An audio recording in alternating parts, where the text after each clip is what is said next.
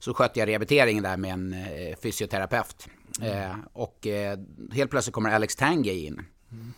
Eh, och sätter sig i soffan. Jag sitter och kollar på TV då. Det är uppsnack för matchen. Det är så två timmars uppsnack. Så sätter han sig på soffan och, och hälsar lite. Jag sitter och cyklar där. Känner mig väldigt obekväm.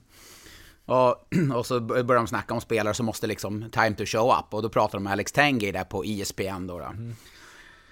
Uh, Darren Clement hette han, den här uh, som, som pratade om uh, uh, Alex Tanguay. Så att han och tejpade klubban och så sa han It's time for Alex Tanguay to show up. Och så Alex Tanguay, så sa han så här I fucking show you today. Och så tejpade han klubban. Så gick han ut och gjorde två mål i den sjunde avgörande matchen. Det tycker jag, det kommer jag aldrig glömma. Nej, men någon, eh, snart är eh, råttet mogat alltså. Persson! Lägger på blå för loppen, kommer skjuta, fintar skott, spelar pucken höger istället, Davidsson skjuter, man lever över returen! Skottläge kommer där! Kan jag få låna micken? I mål! Missar! Hur skjuter karln? Hur skjuter han? Jag kan bara säga att det där är inget skott faktiskt Lasse. Det där är någonting annat. Det där är liksom, han skickar på den där pucken så jag nästan tycker synd om pucken. Den grinar när han drar till den. Utan Fröbo var målvakt! Kan jag få låna micken? Kolla! Poff! En allvarligt talat Leif Boork håller på med hockey i 600 år! Kan jag få låna micken? SHL-podden, Betssons podcast om den svenska hockeyligan är detta. Det här är ett SHL-podden möteravsnitt där jag, Mårten Bergman, träffar en profil inom svensk hockey och snackar lite längre med den personen. Och idag är det dags för ingen mindre än den förre Timrå, Färjestad, Tre Kronor, Rappersville-spelaren Sanny Lindström. Numera expert på Simor. Vad vi snackar om hittar ni i beskrivningen till podden och mig når ni lättast på att Martin Bergman på Twitter eller solpodd at gmail.com. Prenumerera gärna på iTunes eller Acast så blir jag superglad. Nog om det. Nu dags för Sanny Lindström i Karlstad den 13 februari. Mycket nöje! Ja, det här har man ju kämpat för alltså, att få hit dig. Det är inte lätt.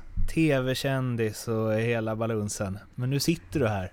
Äntligen. Äntligen. Ja, Tänkte ta en liten rum först som jag brukar intervjua spelarna i, men det fick bli en loge. mm, nej men det var ju lite, lite krav jag och min eh, agent har. Att eh, ska jag göra, ställa upp på sån här så får det vara lite form av klass. Ja. Har du väl gjort, har du gjort någon podd där? Känns som du borde gästat något... Eh, Ja, jo, någon, någon podd har jag gjort sådär, har varit, varit med, men eh, bland annat här den lokala VF-podden som mm. VF Hockey, där har jag varit med någon gång och så. Men eh, annars så inte, inte så jättemycket. Vad, vad är din liksom...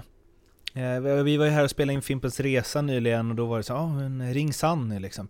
Eh, men du har inte, det är inte så att du liksom gjort 15 säsonger i Färjestad och så. Men vad är, vad, hur, hur uppfattar du din status i färg, eller runt Färjestad liksom? Ja, jag reflekterar sällan över sånt, men eh, jag kom in tid när Färjestad var under förändring. Eh, när, när jag kom 2009 till Färjestad så hade Jörgen Jönsson slutat, Peter Nordström, Thomas Rodin, Matte Johansson strax där innan, Jonas Höglund. Alltså, det var många av de här, det äldre gardet som, var, som hade stuckit eller fått lämna. Och så kom jag in som en ny spelare och sam, i samma veva som jag kom eh, så stack ju Rickard Wallin också rätt sent. Mm. Och Micke Johansson också. Så det var eh, första året här så klev jag in och var kapten direkt. Eh, och det är ändå en anrik förening som Färjestad så är det, det är nog inte jättevanligt att man gör det. Så på så sätt så hade jag väl ändå fick en roll ganska snabbt i, i den inre kärnan i det som då kallades familjen. Eh, så att jag, jag, jag reflekterar inte över min eh, status så, men jag är stolt över de åren jag gjorde här och fick vara med och vinna med Färjestad. Så att på något sätt, vinner man, då blir man nog ihågkommen. Eh, det tror jag alla fans kommer ihåg, de som har varit med och vunnit här genom åren. Men att du liksom bor eh, här nu och så, är det... Alltså har Färjestad en speciell plats i ditt hockeyhjärta? Liksom? Nej, men alltså, alla ställen man har varit på alltså, eh, i karriären, de har ju betytt någonting. Eh, Huddinge såklart är uppvuxen, Timrå så gav mig chansen i SHL, det har betytt otroligt mycket och Färjestad får chansen att vinna. Så, så det är klart, alla, alla lag som man har varit i har ju en, har ju en del, har ju en plats i hjärtat. Sen nu med den rollen jag har så, så såklart att eh, eh mitt jobb är ju att kommentera hockey och, och, skriva om hockey. Och då, jag kan inte ta hänsyn till vilka lag mina åsikter är kring. Mm. Och ibland faller de i smaken och ibland vet jag att jag inte har gjort det. Men så det, det, har jag inga problem med. Har, har, du fått stå upp för dem runt här? ja, ja det, har väl, det har väl varit eh, både från folk i organisationen och utanför som har haft ganska starka åsikter på, på vad jag har tyckt och så. Eh, och det som, det som ofta är, det är ju, här tror jag, eller generellt så, man kommer ihåg de negativa kommentarerna, allt det positiva man säger, det har man snabbt glömt bort. Mm. Så jag tror folk i Karlstad tycker att jag bara pratar skit om Färjestad, medan folk mm. kanske ute i landet tycker man bara, ja du, du håller ju på Färjestad, du pratar bara positivt om dem. Mm. Då ligger väl ofta sanningen någonstans mitt emellan, vilket är bra. Eh, för det där har man ju märkt, lokaltidningsjournalister som man, ingen nämnd, ingen glömd, som man känner lite, som liksom, ja de är kritiska, de förstår exakt en snack liksom kring olika lag. Sen så finns det vissa som hoppar över då och börjar jobba som liksom pressansvariga mm. i klubbarna. Helt plötsligt försvinner allt det. Mm. Och, ja, det är märkligt Nej, alltså. det är alltså. märkligt. Nej, men det är ofta om jag tar ställning för en situation som har varit till Färjestads nackdel eller fördel, att jag, att jag pratar om att en, om det är en tackling eller en målsituation eller någonting så kommer det alltid upp på Twitter eller någonting. Eh, och det var väl någon gång i, i slutspelet i fjol när det var runt Skellefteå och Joakim Lindström där det blåste rejält mycket när, när jag tyckte att det var en ful tackling och en huvudtackling som han sedermera varit avstängd för. Men då var det helt plötsligt mitt fel att han var avstängd. Mm. Och då var det ganska roligt, en som heter Jonas Fahlman som var en lokaltidningsjournalist i Skellefteå. Han var väldigt på med det på Twitter och tyckte det var ganska komiskt att man kan ändå vara objektiv och neutral Mm. Trots att man har varit lokaljournalist, eller trots att man har spelat i ett lag. Mm. Men för en del tror jag det är ganska svårt att, att få den, den, känslan att det går att vara objektiv. Mm. Och det är min förbannade skyldighet att vara det. Mm. Det är det jag har betalt för. Det kan ju gå över åt det andra hållet ibland då. Tänker jag. Att man sen vill visa att nej, jag nej, har inga känslor här. Nej, exakt. Nej, så kan det ju vara liksom. Eh, nej, så, så, så kan det väl vara. Sen kan det vara lite roligt att retas med dem också ibland. Eh, speciellt den, den äldre generationen som var här som man vet eh, kunde bli väldigt, väldigt sura. Eh, så, eh, då kanske lite, kan man passa på att retas lite ibland också. Det, det tillhör. Aha, hur, men liksom, man har lite känslor för alla lag man spelat i och här måste jag säga, det här hade jag ingen koll på. Men liksom, hur är känslorna för Quad City Mallards? Ja, de är...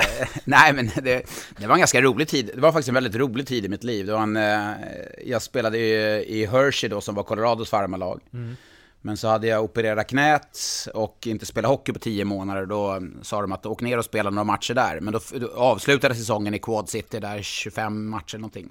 Mm. Och det var UHL, vilket är ungefär samma liga som East Coast. Så. Mm. Eh, High Chaparral. Ja, lite så. Men väldigt härliga spelare. Väldigt, väldigt roligt hade man. Men framförallt för mig som inte hade spelat hockey då på tio månader och opererat knät tre gånger inom loppet av två år. Så fick jag spela 25 minuter per match och jag fick liksom, bara för mig själv, att knät höll. Där och då var jag väldigt besviken att jag liksom inte fick spela i Hershey som jag tyckte att jag borde göra. Men eh, med, i efterhand så var det väldigt bra, för då fick jag spela mycket. Fick, ja, jag spelade varje match och spelade mycket i varje match. Och då senare när jag kom hem till Timrå så visste jag i alla fall att knät höll. Sen kanske inte, jag visste inte vilken nivå jag höll i själva spelet. Men jag visste åtminstone att mitt knä höll, så det var ju positivt. Men eh, för det här är, intressant, alltså som sagt jag hade ingen, eh, ingen koll på det förrän jag började researcha inför idag, men liksom direkt från Huddinge över till AHL. Mm.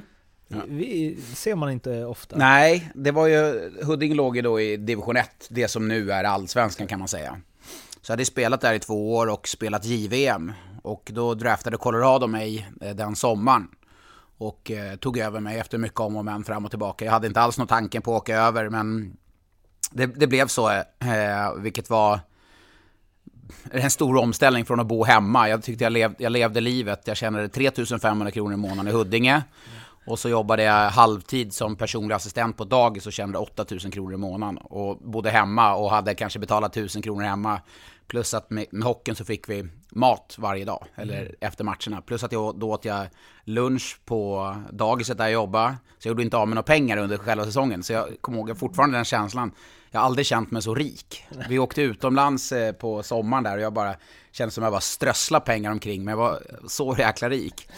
Men... Eh, det, det, var tider det. Det var tider det. Nej men så åkte, då, åkte jag över till USA då, då och var där i tre år. Det var ju jäkligt lärorikt. Och komma då från Huddinge där få egentligen bryr sig om att man spelar hockey. Det är, det är inte så att du går runt i Huddinge centrum och, och är någon halvking för att du spelar Huddinge hockey. Eller på krogen eh, för den delen. Men när man kom till USA så var det ju en helt annat tryck kring hockeyn. Mm. I den lilla byn då, Hershey, där vi bodde, hade vi 6 500 varje match. Mm. Och folk älskade verkligen hockey. Det var så här, du var typ rockstjärna när du kom in på Applebee's som var då restaurangen där som, som låg. Då, då liksom dukade de undan så att du fick sitta vid borden där och folk flyttade på sig. Det var, det var faktiskt okay. helt sjukt. Nej, så där var man lite rockstjärna. Eh, det var ju kul att få känna på det. Men, eh, eh, alltså vart, vart ligger det geografiskt? Hershey ligger en och en halv timme utanför Philadelphia. Okay, så, så det, är jävligt långt från Denver alltså? Ja, väldigt långt. Ja. Eh, för mig var det långt i dubbel bemärkelse faktiskt. var det. Men det var mm, jäkligt lärorikt och ro, roliga år. Jag kan känna i efterhand att ett sätt så åkte jag för tidigt, att jag var för omogen. Mm. Alltså, när du åker över till AHL, och det, det försöker jag säga till de som åker över nu, att du måste liksom ha en tro på dig själv på ett helt annat sätt än vad jag hade. Jag mm. liksom flängde runt lite som en vante där och ja, fick jag inte spela så deppade man ihop och man hade liksom ingen sån här grundtrygghet. Det var en stor omställning att flytta hemifrån. Eh, så det, att man är mer trygg i sig själv. Och, för där borta är det, det är ingen jävel som bryr sig om det går bra för dig. Det är, man, alla vill upp. Det, är liksom, det finns bara en väg och det är uppåt. Om det då är en, någon polare som du lär känna där som du tycker är skitbra kille. Men han, om, i mitt fall då, så bodde jag med en annan rookie som var back också. Hans största problem var ju om jag fick spela och inte han spela. Liksom. Mm. Så att, eh, det märkte man ganska snabbt. Även om han var jätte, jätteschysst när han spelade så var det inga problem, men när jag spelade då var det lite mer sura miner. Mm, okay. Eh, nej men för det jag ville, alltså eh, Ja men jag, jag liksom mitt stor, där tog väl mitt hockeyintresse fart någonstans liksom 96, Foppa, Colorado och så vidare och de här åren där du var över i AHL Även om det var liksom geografiskt långt och du kanske inte var så nära att spela i NHL men du, till, du var draftad av och tillhörde den organisation mm. som, som, kanske var världens bästa hockeylag då? Ja, ja, alltså det var helt sjukt. Vid trading deadlines, så då, varje år så hade de en blockbuster trade. Man mm. tradade till sig Ray Bork och Rob Blake och med flera. Så att de vann ju 2001 och det var precis i samband med att jag opererade knät andra gången. Och första operationen gick inget bra då i Hershey. Eh, och jag gjorde rehabilitering hela sommaren i, i Hershey. Du vet första året precis, man bara, vi, vi låg på gränsen till att inte klara slutspelet. Så kände jag att okej, okay, nu får jag äntligen åka hem. Det var bara en vecka kvar på grundserien. Så fick jag en jordens knätackling och pajade hela knät.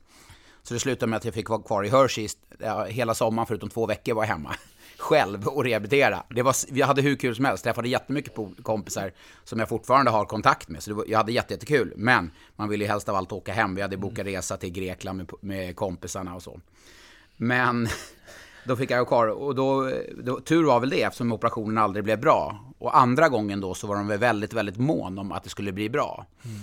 Så då eh, fick jag operera mig med en specialist uppe i Denver som har gjort de här eh, ja, eh, skidåkare, bästa skidåkarna och om det var Henrik Larsson som var över och en superdoktor i Denver då. då.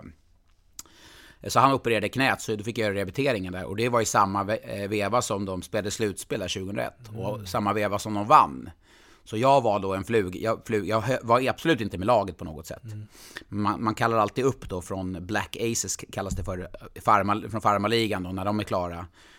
Spelare som, eh, om det blir skador på skador på skador så finns det spelare liksom, backup till backupen.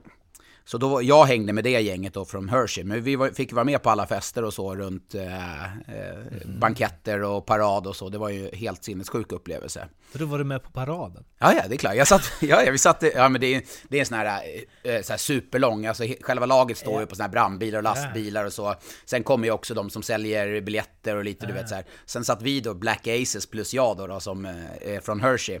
Vi satt på en, i en bil då, en sån här eh, pickup. Och åkte i paraden och vinkade lite. Det var ingen som visste vem vi var, men... Så jävla Ja, fett ändå. ja, nej, det var, det var helt sinnessjukt. Och sen var det direkt därifrån så var det eh, fest eh, på ett ställe och så var det fest från, alltså hela dagen och hela natten. Det var ju helt, ja det var ju, nej, förmodligen den roligaste festen jag har varit på de dagarna. Och jag var ju på något sätt inte behörig att vara där, men är man, har man läge att komma in så tar man ju tillfället i akt och gör det bästa av det. Kanske det bästa gripandet av ett halmstrå som Ja, någonsin det är har nog, ja, skett. precis, verkligen. Vem är den där jäkeln som har, står på bardisken här borta? Han har inte vunnit något. Ja, kul, ja, väldigt roligt. Eh, Men ehm, såg du matcherna då på plats? Mm, alla hemmamatcher såg jag då. Bortamatcherna fick vi inte åka med då. då. Men hemmamatcherna, och det var ju Game 7 Ja, mot eh, New Jersey? New Jersey. Och jag eh, rehabiliterade mig då. De ju, tog ju hand om mig superbra. Eftersom de hade gjort fel i första operationen. Eh, Så när jag var där och rehabiliterade mig så, så gick jag in en annan ingång i omklädningsrummet. Fast då till ett rum bredvid rummen. Det var ju så gigantiskt stort. Så skötte jag rehabiliteringen där med en eh, fysioterapeut. Eh, och eh, helt plötsligt kommer Alex Tangay in. Eh, och sätter sig i soffan. Jag sitter och kollar på TV då. Det är uppsnack för matchen. Det är så här två timmars uppsnack. Så sätter han sig på soffan och, och hälsar lite. Jag sitter och cyklar där. Känner mig väldigt obekväm. Och, och så börjar de snacka om spelare som måste liksom time to show up. Och då pratar de med Alex Tangay där på E ESPN då. då. Uh, Darren Clement hette han, den här uh, som, som pratade om eh, eh, Alex Tangay. Så att han och tejpade klubban och så sa han It's time for Alex Tangay to show up. Och så Alex Tangay, så sa han så här I fucking show you today. Och så tejpade han klubban. Så gick han ut och gjorde två mål i den ja, sjunde avgörande matchen. Det tycker jag, det kommer jag aldrig glömma. Det på tal om så här, det du sa att man ska, måste tro på sig själv om man ska till AHL. Ja, exakt. Där finns det liksom. Där fanns det. Eh, Var det, eh, alltså den finalen var, var inte där Zacke gjorde det här handledsskottet Ja, mellan benen i krysset? Ja just det, vilken Ja. koll, vilken koll du har. Ja, ja det var ja, helt... Och New Jersey var ju... Det var ett coolt lag. eh, Som jag som en, ändå var en defensiv back. Jag Ja. älskade ju de här Ken Dynaco, Colin White, Scott Stevens. Det var ju liksom... Det var ju så här... riktiga, riktiga härliga Det spelare. var ju också att typ alla deras centrar kändes det som var ju så här.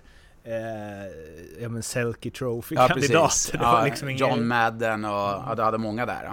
Så att, Ja, fan vad, vad ballt. Vad, Mm. hängde du med Foppa då eller? Han, han var ju skadad också, Foppa. Eh, han pajade ju mjälten då precis. Så han eh, rehabiliterade ju eh, sig. Så vi var ju på samma, vi hängde ju på och rehabiliterade samtidigt och så. Eh, så att vi hängde inte så, men vi, eh, vi hängde på hallen liksom. Han tyckte nog det var ganska roligt att prata svenska med någon. Eh, men det var inte så som vi var ute och, och hängde och festade så. Eh, Men hur, ehm, alltså att vara där då, även om det var liksom, jag menar allt du berättat om nu, vad, hur påverkade det dig som hockey, alltså för då fick du ändå så här, en liten liten så här, okej det här är högsta, högsta, högsta. Bara att de åker långt där framme. Mm, ja, men precis. man får ändå se det på nära håll.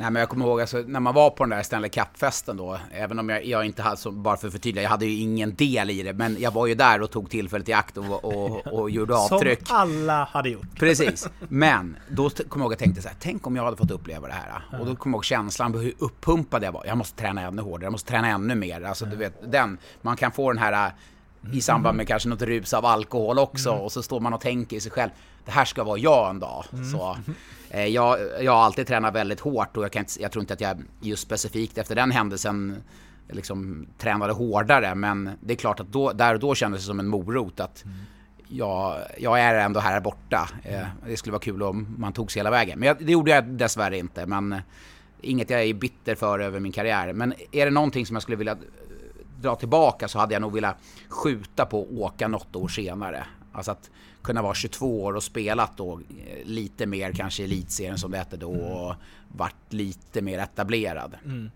Men för hur blev det sen när du drog tillbaks till Timrå? Alltså, eh, man har hört eh, flera som säger att man bränner sig i NHL då. Ja, att folk alltså inte grej- vill att man åker hem? När jag, åkte, när, jag, när jag åkte till USA så hade jag bud från SHL-klubbar. Eh, och när jag kom hem så hade jag inget bud från någon SHL-klubb.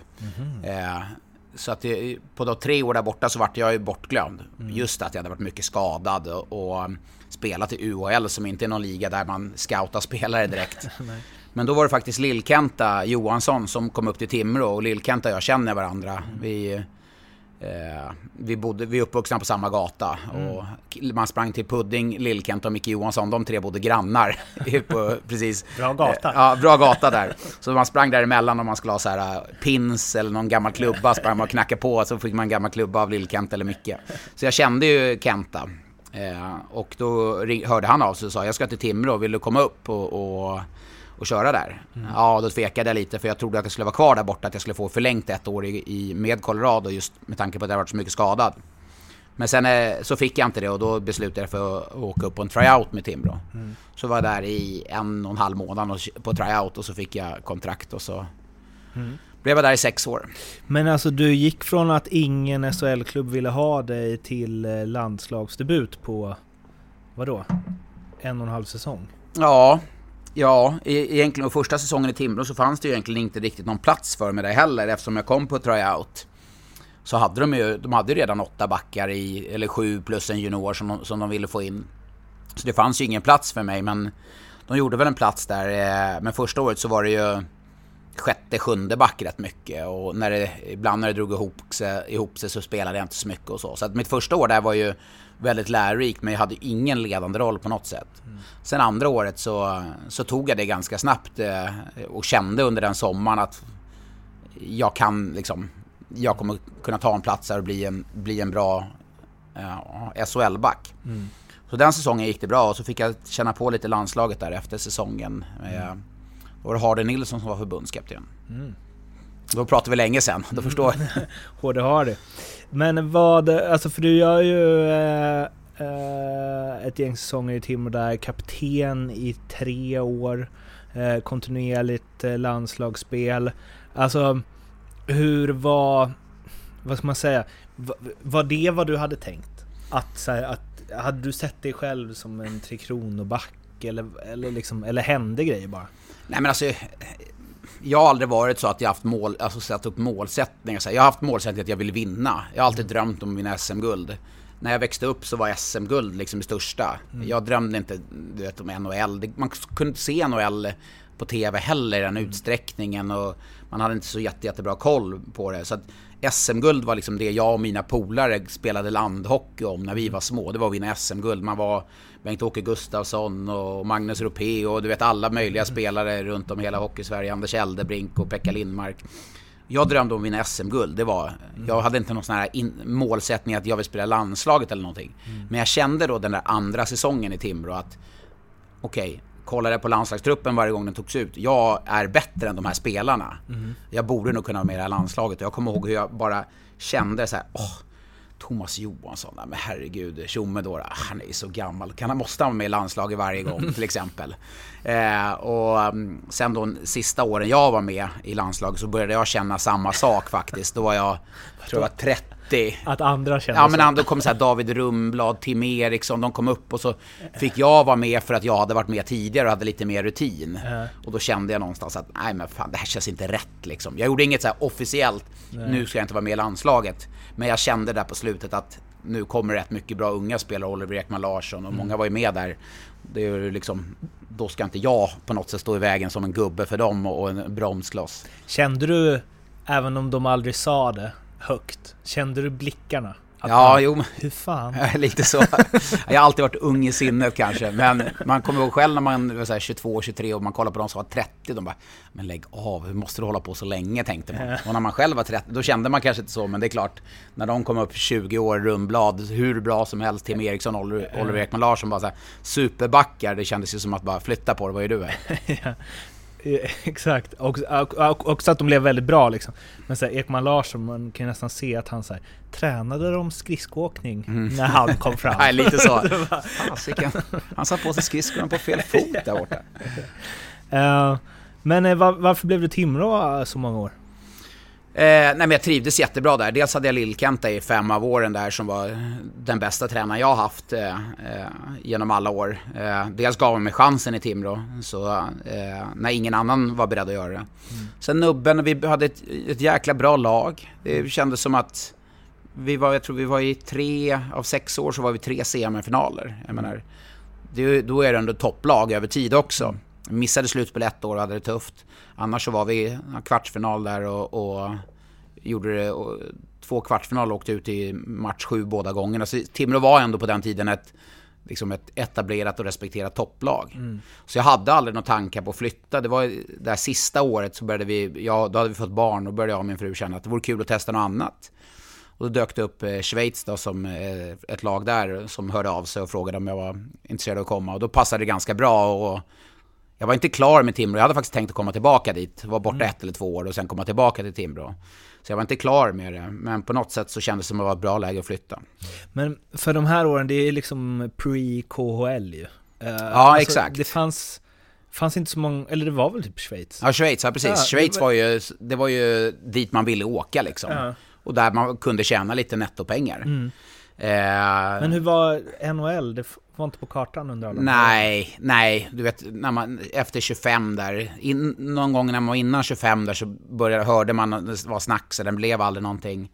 Sen efter 25 så dog det helt. Då, liksom, då fanns det inget intresse. Även om jag hade några av mina bättre säsonger där mm. runt den åldern. Det finns liksom inte som så här, jag tänker typ, ja men Anders Sen. Åkte mm. över liksom till Pittsburgh ja. två vändor när han var typ 26-27. Ja. Det var liksom... Nej. Var helt, helt, helt dött. dött. Helt dött. Nej, det fanns, fanns inget in, intresse alls. Vad hade du för agent?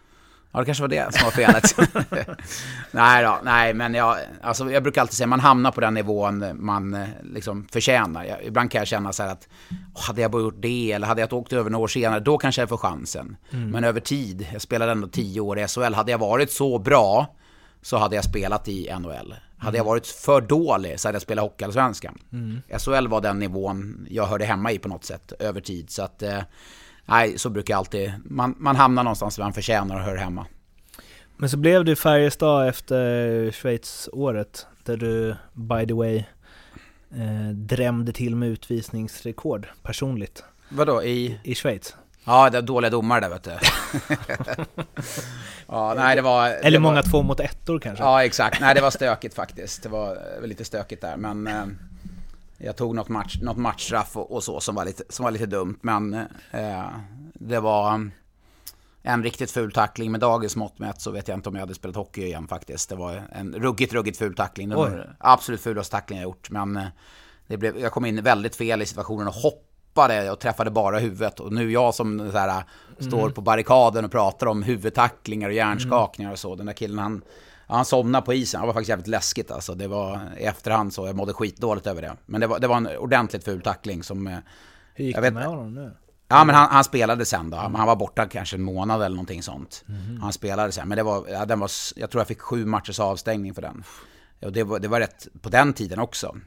Det alltså, låter som en sån här, vad heter han som körde på Paille i Brynäs. Ja, nej, ja, precis. Nej, men han, han var åtminstone puckförare om man kan mm. försvara någonting. Det var, det var, jag vet inte, någon kortslutning eller någonting. Och jag, ja, jag kommer ihåg att jag var jävligt rädd efteråt. Du vet när man känner att man har gjort något dumt. Mm. När hela laget eller hela den femman som inne kommer ska slåss med. Så det bara, man blir helt kall i hela kroppen och känns nästan som att man kan kissa på sig. Mm. Inte för att man just är rädd för att de ska slå mig. Men man är rädd för vad man faktiskt har gjort på isen.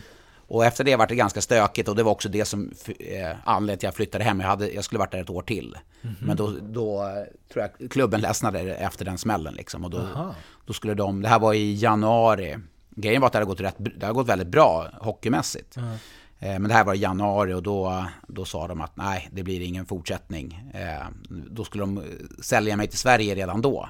Men det, det totalvägrade jag. Jag, liksom, jag gjorde en ful grej, absolut, helt idiotiskt. Det, det erkänner jag, men jag kommer inte liksom flytta hem till Sverige för det. Men vadå, så de vände dig ryggen? Typ? Nå, ja, ja, herregud, ja, ja, herregud. Aha. Jag satt ju där med ägaren, en, en som, någon som ägde halva stan där i Rappersville och Geschäft, fyra sportchefen och satt och spolade fram och tillbaka det här bandet. Liksom, ordagrant bandet, alltså ja, videobandet. Ja.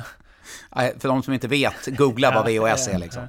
Så att de spolar fram och tillbaka det jäkla bandet och var så här, frågade Are you stupid? Are you stupid? How dumb are you? Alltså, de bara satt och hånade mig. Att jag, jag, bara, jag, alltså jag vet, det är helt idiotiskt. Jag bara ville där gå därifrån och bara grina, du vet. För jag, de bara tryckte ner mig. Men eh, det var fult gjort. Men de vände mig ryggen, absolut. Det gjorde de. De, de stod inte upp. Och det, det kanske man inte ska göra heller, jag vet inte riktigt. Det är väl det bra. finns väl någon eh, mellan Ja, absolut. Nej, nej, de kastade mig under bussen rejält, så, så var det ju. Men, eh, nej, men sen kom jag tillbaka då efter en avstängning och spelade resterande matcherna då. då. Och eh, sen var det, då var de jättenöjda och så. Det, var, det som var, jag hade ju en spelstil som kanske inte var jättevanlig i Schweiz. Är ju, importerna som kom dit, de skulle göra poäng.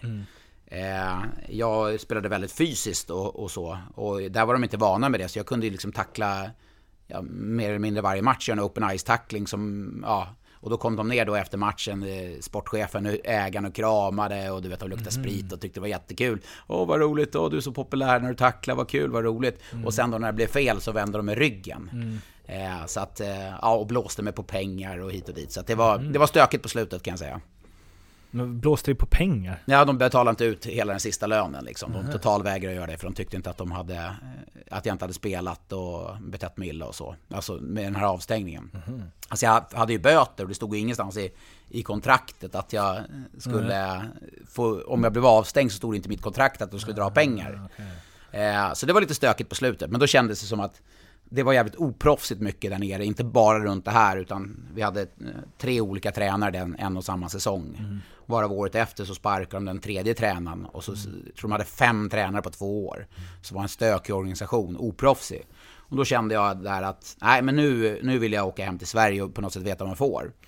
Och då kände jag, men Timrå, det är klart, jag hade lovat dyrt och heligt att jag skulle tillbaka dit.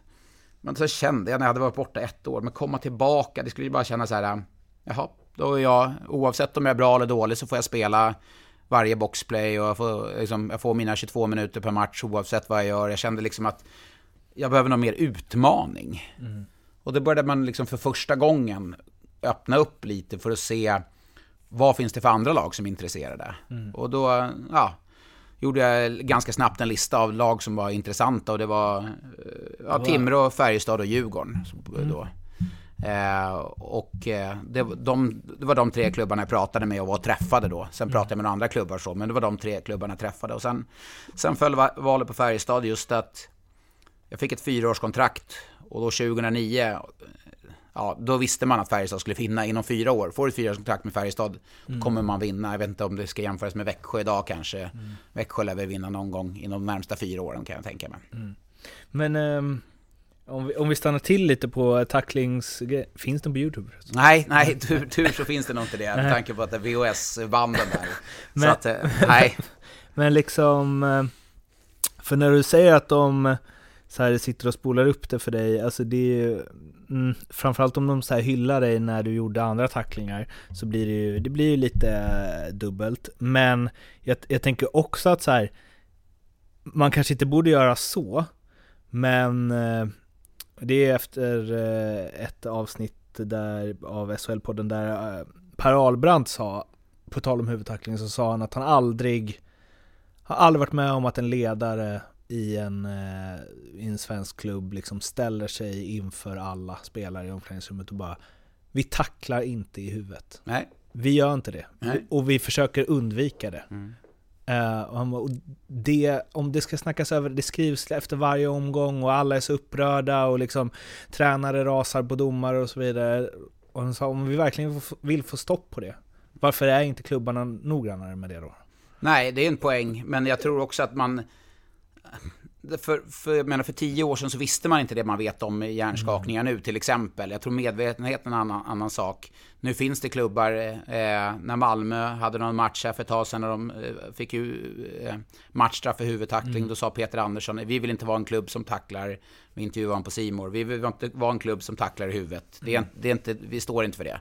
Så man har ändå liksom tagit på något sätt man säger inte bara, nej jag har inte sett situationen så jag vill inte, vilket man alltid har gjort tidigare. Men däremot så finns det ju en grej, eh, ja men som liksom de flesta hockeyspelare jag snackat med säger, att alltså det är ändå så här uppumpning, man ska in på isen, liksom in och trycka honom nu och du, du, du, du, du, och alltså Vilket det kanske måste finnas, men det är ju också ett, liksom, ett tilltal och en push som gör att du kanske hetsar in i grejer och inte riktigt har koll och vips så kom det en armbåge i skallen på någon. Ja, Liksom. men jag har ju Äh, haft liksom, jag kommer ihåg i Färjestad här ett år, det var det året vi vann.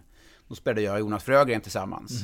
Då, fick, då sa de, det är okej om vi tar en utvisning i första bytet, det gör ingenting. Då kunde vi ta en utvisning bara för att markera att vi var där. Och sen, sen kände man att de åkte kanske lite omvägar när vi var på isen. Så jag- alltså, det handlar ju om att, visst att sätta sig respekt. Sen är med det sagt så ska man ju inte skicka upp en armbåge i huvudet på någon. Men när jag och Frögen spelade tillsammans, då kunde vi ta utvis, en utvisning i första bytet. En, en ren idiotgrej kanske, men bara för att markera. Okej, så där kommer det vara idag. Är rätt eller fel, men det är ett psykologiskt spel också.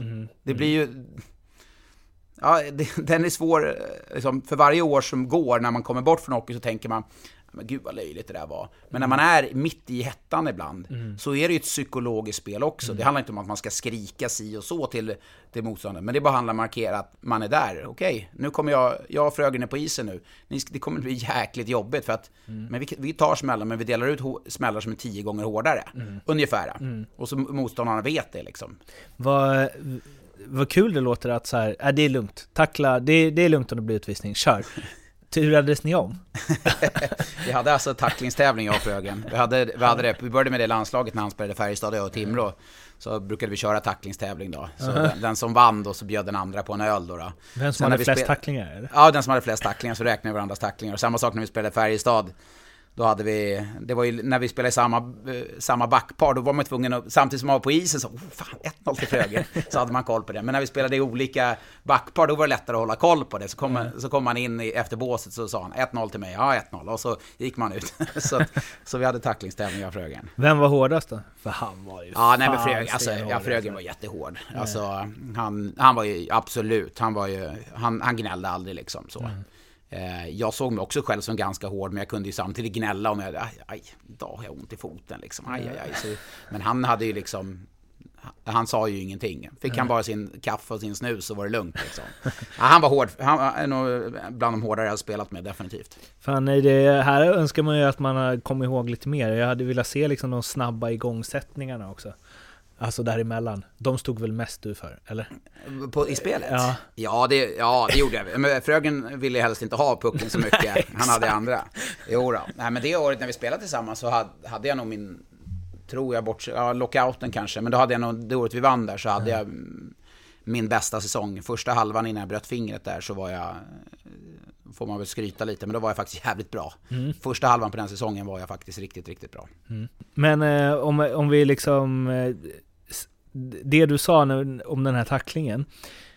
För det är en grej som jag har frågat, jag intervjuade Anton Hedman bland annat, som har ju varit avstängd fem gånger eller något Mm. för huvudtacklingar. Och, då, och liksom, vilka spelare man int- intervjuar, även om man intervjuar typ, jag intervjuade Patrik Selin senast, som ju har haft fyra Mm, hjärnskakningar absolut. eller det. Alltså, där jag var, har du aldrig känt att en spelare kanske lite med mening liksom sätter en ful tackling? Och då han bara, "Ah, jag, jag tror inte det, men samtidigt så den senaste han åkte på, han var, där är det ju lite så här, hur kan han tackla på det sättet? Fattar han inte att det kommer gå åt helvete Nej. liksom? Men jag tänker att vissa, vissa tacklingar man ser, och eh, du skrev väl det om Jesper Jensens va? Ja, exakt. Alltså det är så här, hur kan det, hur kan det inte vara med meningen? Ja, men det, den, den, precis, den fallen, det, det, det är ju med mening, det är ren frustration. Ja. Men alltså, jag tror... Alltså jag tror att det är annorlunda nu än vad det var. Nu låter det som att jag spelade liksom på... men, stenåldern. Ja, men alltså jag har ju haft tränare som har sagt till mig liksom att... Ja, tar en utvisning, men jag har också sagt tränare... Nu. Ja men alltså, ett specifikt fall, det var Marcus Nilsson lockout-säsongen. Han, eh, vi mötte Djurgården i kvartsfinalserien. Han gjorde bland det fulaste jag någonsin har sett. Han försökte peta ut ögonen på Kalle Koskinen. Han kom bakifrån och tryckte in då med fingrarna i ögonen. Och det var ingen som såg vad som hände. Finns på bild. Precis, förutom han på bildbyrån eller på Aftonbladet exakt. eller Expressen som hade fått en bild när, när Marcus Nilsson står med två fingrar i varje öga. Det är så sjukt fult. Alltså jag har aldrig... Ja. Eh, och då vart han avstängd tror jag två matcher för det. Sen när han kom tillbaka så hade vi hemmamatch. Eh, och då var det... Okej, eh, Marcus Nilsson ska inte spela någonting nu. Så jag tror jag tog andra eller tredje bytet. Och nu känner jag, gillar Mackan nu. Jag har lärt känna honom. Vi träffades på Ma- Mallorca här för, för två somrar sedan och då pratade vi om den senast då. Men då kommer jag då från en blindside och eh, han ska precis bryta in. Och det är ju eh, ja, en huvuddomare och du vet inga kameror, inte 13 kameror eller någonting.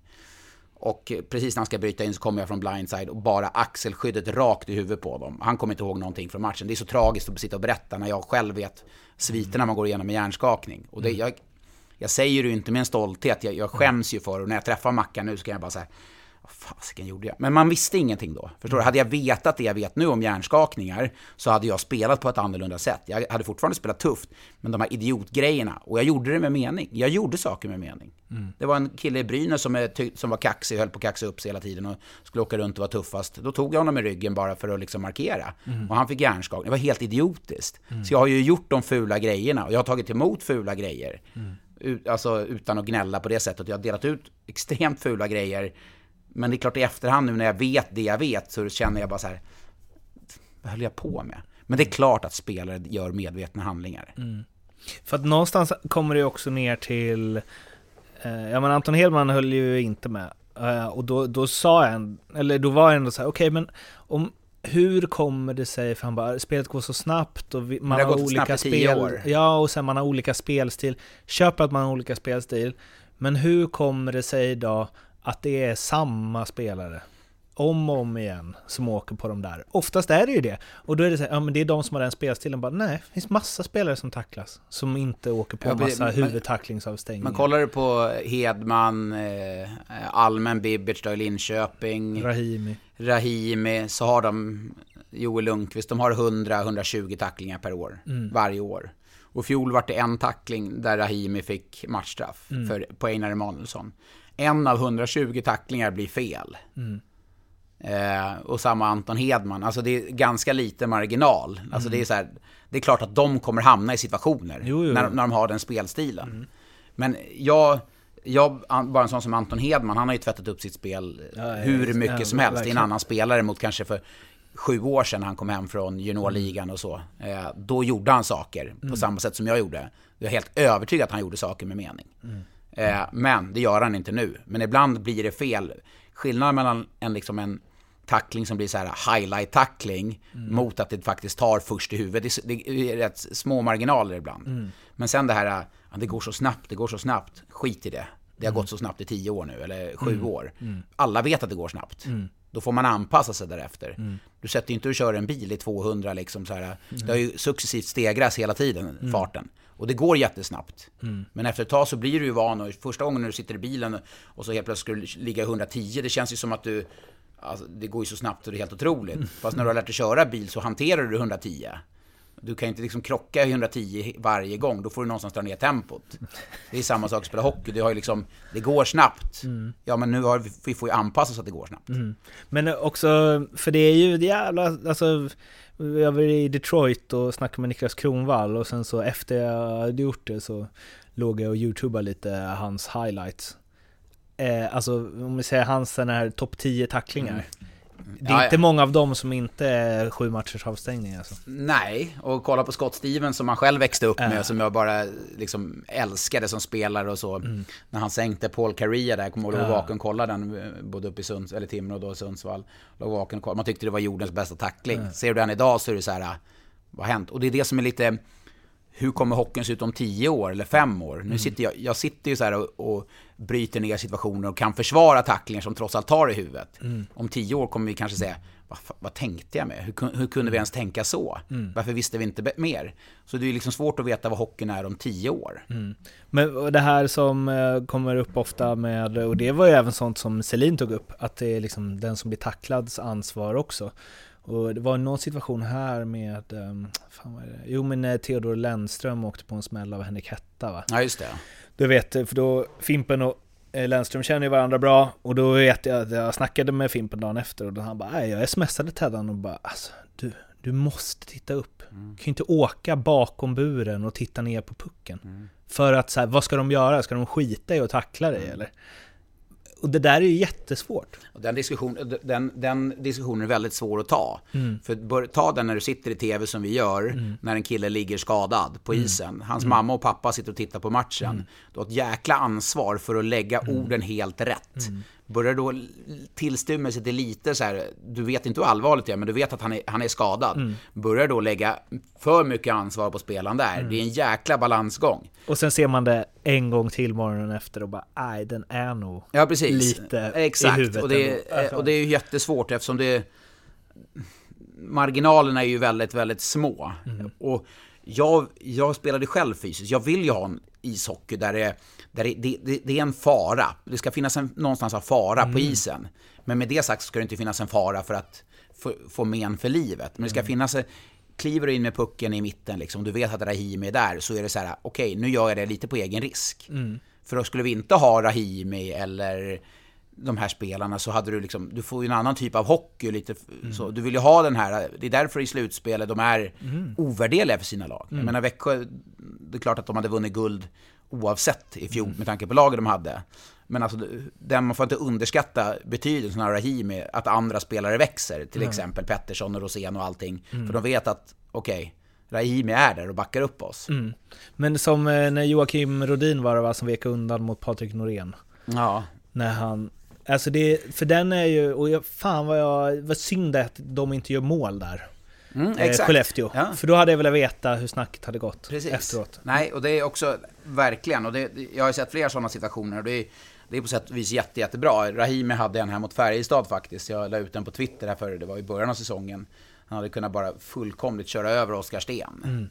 Men då är det då jag hoppas liksom att, att Färjestad visar, typ, tar in Oskar Sten och visar så här, kolla här, här är Rahimi, han är jävligt schysst mot dig här, bara så att du vet. Han hade kunnat fullfölja dig här. Och det, det hade inte gjort någon skillnad för, eh, alltså Oskar Sten hade inte kunnat skapa en målchans av det. Men där visade Rahimi respekt. Och då hoppas jag att Färjestad i sin tur så här, okej, kolla här Oskar. Du tittar ner på pucken när Daniel Rahimi är på isen. Han kan, han kan bara köra över dig totalt, men han är schysst där. Tänk på det nästa gång. Hur gör vi här? Så. Att det ska finnas en utbildning i det också. Och det finns ju något i att det, det, här, det går fort, men, men det är ju också... För det håller ju inte. För Conor McDavid blir ju typ aldrig tacklad i huvudet. Och han, där går det väl fortare än någon annanstans liksom. Men Ja. han har ju också, alltså det, det är det där med att... Mm, ja, Arla tjatar hela tiden om det, men det var ju bara för att spelsinne var hans grej. Men att alla har så dåligt spelsinne Nej, men det, idag allt, liksom. Utbildning har ju gått att det ska gå väldigt snabbt allting. Ja. Kolla, det är ju en extremt snabb liga. Och dribblar du mot liksom... Ja, det var ju Fimpen som sa. Dribblar du mot eh, däck på träning Mm. så blir det svårt sen när det kommer en människa Jo, precis. i vägen. Så att jag menar, det, det är också någonting man får, får fundera på kring alltså, hur man utvecklar och utbildar unga spelare och ledare och sådana saker, definitivt. Men nu, ska jag, nu är fokus på att allt ska gå fort. Och det har ju i sin tur gått, gått ut över lite spelskicklighet. Och sen får man inte heller glömma att tappar du 25 spelare per år från SHL till NHL eller AHL, det är 25, de flesta av dem, om du börjar räkna, fundera på namnen, rätt spelskickliga spelare. Det är klart det kommer 25 underifrån. Spelskickligheten, den, den, den blir ju inte lika, även om det, jag tycker det är underhållande hockey, men just spelskickligheten blir ju såklart lidande. För du, om du tappar då, säg 20 bästa varje år. Visst att det är jättehärlig talangutveckling underifrån, men det blir ju såklart att det går ut över kvaliteten. Det är, det är det, jag glömmer det ibland, men om man kollar AHL. Många bra SHL-spelare där alltså. Nej men kolla hur det såg ut innan KL fanns till exempel. Då hade du de bästa finska spelarna utanför NHL. De var ju i Sverige. Ja. Kolla i poängligan där ja, på slutet 90, början 2000-talet. Det var ju finnar som var i toppen. Ja. Nu har du ju inte de, du har inte de bästa finnarna här i Sverige. Och det Inte, må, inte många. Ehm, du, men om vi, eh, innan vi går över på de frågor som jag ställer till alla, men om du ser tillbaka på din, eh, din karriär liksom. Eh, Det är i och för sig en fråga som kommer sen, men jag kan ta den nu. Hur, nä, hur bra blev du? jag, blev Vad så, du tänkte? nej, jag blev så bra som jag kunde bli. Mm. Det är det som är rätt, känns rätt skönt så här i, i efterhand att liksom Eftersom jag fick sluta i förtid så här, hur bitter fick sluta och så där. Ja men det är klart att det var tufft. Men när jag bara fått distans till hockeyn så är jag så här, jag gjorde allt utav min, min hockeykarriär. Jag gjorde allt för att vinna. Jag gjorde allt för att ge mig själv bästa förutsättningar. Jag, jag, jag tränade, i, i regel i alla lag jag var, tränade hårdast. Eh, jag såg till att vara bra förberedd för då visste jag när jag gick ut på match. Eh, hade jag bra kondition till exempel eftersom jag var ganska tung i kroppen. Visste jag då att jag hade, då hade jag självförtroende i det. Jag gav mig själv bästa tänkbara förutsättningar. Till exempel under säsongen åt aldrig pizza, bara en sån här löjlig grej liksom. För att, jag, för att det, det var inte nyttigt. Jag åt, började äta smör på mackorna när jag slutade spela hockey. Mm. Alltså för att jag ville, alltså just det här med kosten, jag var så extremt noggrann. Och det, det är ju från då när jag hade Lasse Falk när jag kom upp i Huddinges A-lag som var väldigt noga med sådana här saker. Mm. Man fick väga och mäta exakt vad man äter och skrev upp och la in i dataprogram för att man skulle få i sig rätt näring. Eh, så jag var extremt noga, så jag gav mig själv alltid förutsättningar. Så jag känner att jag blev så bra som jag blev. Jag hade önskat att jag hade kunnat spela NHL, men jag var inte tillräckligt bra. Jag gjorde några landskamper och det var precis på den nivå jag höll. Jag hade gärna spelat något mer VM, men jag höll inte riktigt. Jag, jag föll ofta kort där liksom. Men är det alltid så? Att de som kommer före en är bättre? Nej, det är det väl inte. Alltså, man ska veta att du ska ha en jäkla tur i, i din alltså, karriär. Du, ska, mm. du, du, kan träna hårt och du kan vara bra. Det finns, finns säkert de underifrån som kände jag är bättre än honom eller mm. Jag kände kanske att någon som är i landslaget, jag är bättre än honom. Men du måste ha turen också och framförallt när du, när du får chansen så måste du visa den som har gett dig chansen att du behärskar det. Att mm. du liksom, okej okay, jag får chansen nu, då visa via spelet då att, att du klarar av det, då kommer du få en chans igen. Mm. Vi hoppar över till eh, del två då. Um, förutom Foppa Sudden Lidas, Sveriges bästa hockeyspelare genom tiderna? Jag måste säga Henrik Zetterberg där. Jag spelade med honom i Timrå ett år, lockout-säsongen och det var ju, ja. alltså, att få se honom på nära håll och ja, men, sättet hur han förberedde sig, tränade, noggrannhet, alltså allt det där, hur ödmjuk han var, hur han brydde sig om folk omkring sig. Eh, tog tid för ja, alltså, folk i Timrå, eh, mm.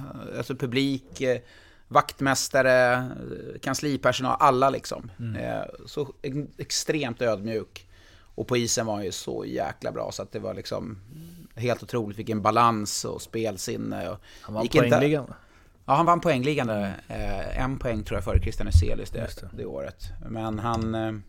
Eh, jag har en sjuk eh, sån här fetisch för statistik också som du hör. Jag, kan, jag älskar siffror och statistik. Men nej, han var grym alltså. Det, han, nej, det var ju grymt lärorikt att få spela med honom och vilken jäkla kille. Jag har ingen kontakt med honom nu på något sätt, men alltså skulle man träffa honom på gatan så hade man, hade man liksom, han känns så jordnära. Mm. Alltså jag tror han är det fortfarande, men han, nej, jäkla vad bra han var och en kalaskille. Förutom Gretzky eller Lemieux, världens bästa genom tiderna? Ja, den, är rätt, den där är rätt svår alltså. Det är... Ja, nej men det går ju att, att dividera fram och tillbaka. Eh, men alltså... Nej, det, jag, jag, har, jag, jag, har fått den frågan tidigare och den är så jäkla svår. Men hur tänker, du, hur tänker du när du svarar på den? Tänker du den som är det? eller den som är det i förhållande till den tiden den spelade? Men alltså, säger vi så här, Mark Messier, mm. alltså hur, hur, bra var inte han bakom då kanske Gretzky? Mm. Mm. Han var ju, och den ledaren, och han var ju så här, liksom, match 6 eller match 7 där mot New Jersey i mm. semifinalen, liksom att vi ska vinna det här så är det han som går in och gör ett hattrick. Mm. Eh, jag får nog säga honom ändå, och, och en enorm pondus runt sig som person. Mm. Sen gillade jag, älskade när jag växte upp Steve Eisenman. Han var ju, det var ju liksom min idol när jag växte upp så. Jag hade han på affischerna. De är lite samma ju. Ja, exakt. Och som Z. Alltså ja, bra på allt. Eh, så, säg väl någon av dem då kanske. Eh, ja, den här blir lite svår eftersom det var ett tag sedan du la av, men vi säger så här då. Det är sista året du lirade. Eh, om du hade kunnat eh, åka tillbaka i tiden då till 1990, hade du tagit plats i första backpar i alla NHL-lag? Mm, ja, det tror jag nog. Det tror jag man hade gjort. Eh, det hade, ja, men det, det hade man nog gjort. Eh, Ja, det är gränsfall. ja, men då, alltså, så bra som jag var mitt sista år, ja. eller så som jag spelade mitt sista ja. år. Om du hade bara flyttat, ja, flyttat till... Ja, farten var i skotten var ju helt annorlunda och liksom så. Mm. Ja. Så det, hade jag fått ta med mig mina kompositklubbor? det, det är, den är avgörande, eller hur? Ja, ja men hade jag fått ta med kompositklubbor så hade jag gjort det. Okay. Uh, om du får tänka helt fritt, vilken regeländring, hur galen den än må vara, hade du velat testa inom hockeyn? Ja, den där är också sådär, äh, regeländring. Jag kommer inte på någon sån här regeländring jag skulle vilja göra. Jag skulle vilja... Eh, Nej, jag har, jag har ingen sån där direkt regeländring jag skulle vilja göra. Du tycker det är bra som det? Det går ju alltid att slipa på regler, och- alltså så. Jag kommer ihåg för tio år sedan så var jag så här, måste finnas fighting i hockey och så. Nu är det bara, nej, absolut inte. Det är ju så här, varför ska det finnas det för? Eh, det fyller ju inget som helst syfte. Eh, men nej, jag har ingen sån där specifik regeländring som jag skulle vilja få genomförd. Men det, Tråkigt. ja, men vadå, inge, vi, Wikegård tycker att det Jo, men han tycker, jo men alltså jag är den, jag är nog en utav, alltså den, få experter. få experter som... eh, Av de som har spelat i alla fall. Nej men alltså som, som kan sätta mig in i domarnas situation på något Mm. sätt och förstå. Eh, Jag står mellan båset ofta när jag kommenterar och det går ju ruggigt snabbt. Och liksom, du måste ha rätt position och ibland ser jag, så ropar de från bussen, ser du vad som händer? Jag stod precis där, kollar man på repriserna så bara, ja, jag vet inte. Så kommer man hem dagen efter och så bara, åh jäklar, det var, alltså det är rätt svårt, det är rätt komplext. Eh, nej, jag vet inte riktigt. Jag har, har ingen sån där eh, specifik regelförändring jag skulle eh, genomfört. Nej. Ja, men jag, tänkte, jag tänkte kring fighting, att det, de, det känns som de flesta tidigare spelarna som är experter nu tycker fighting är bra. Ja, jag, men jag tror att pendeln har svängt lite också. Jag tror liksom det, det fyller inget syfte.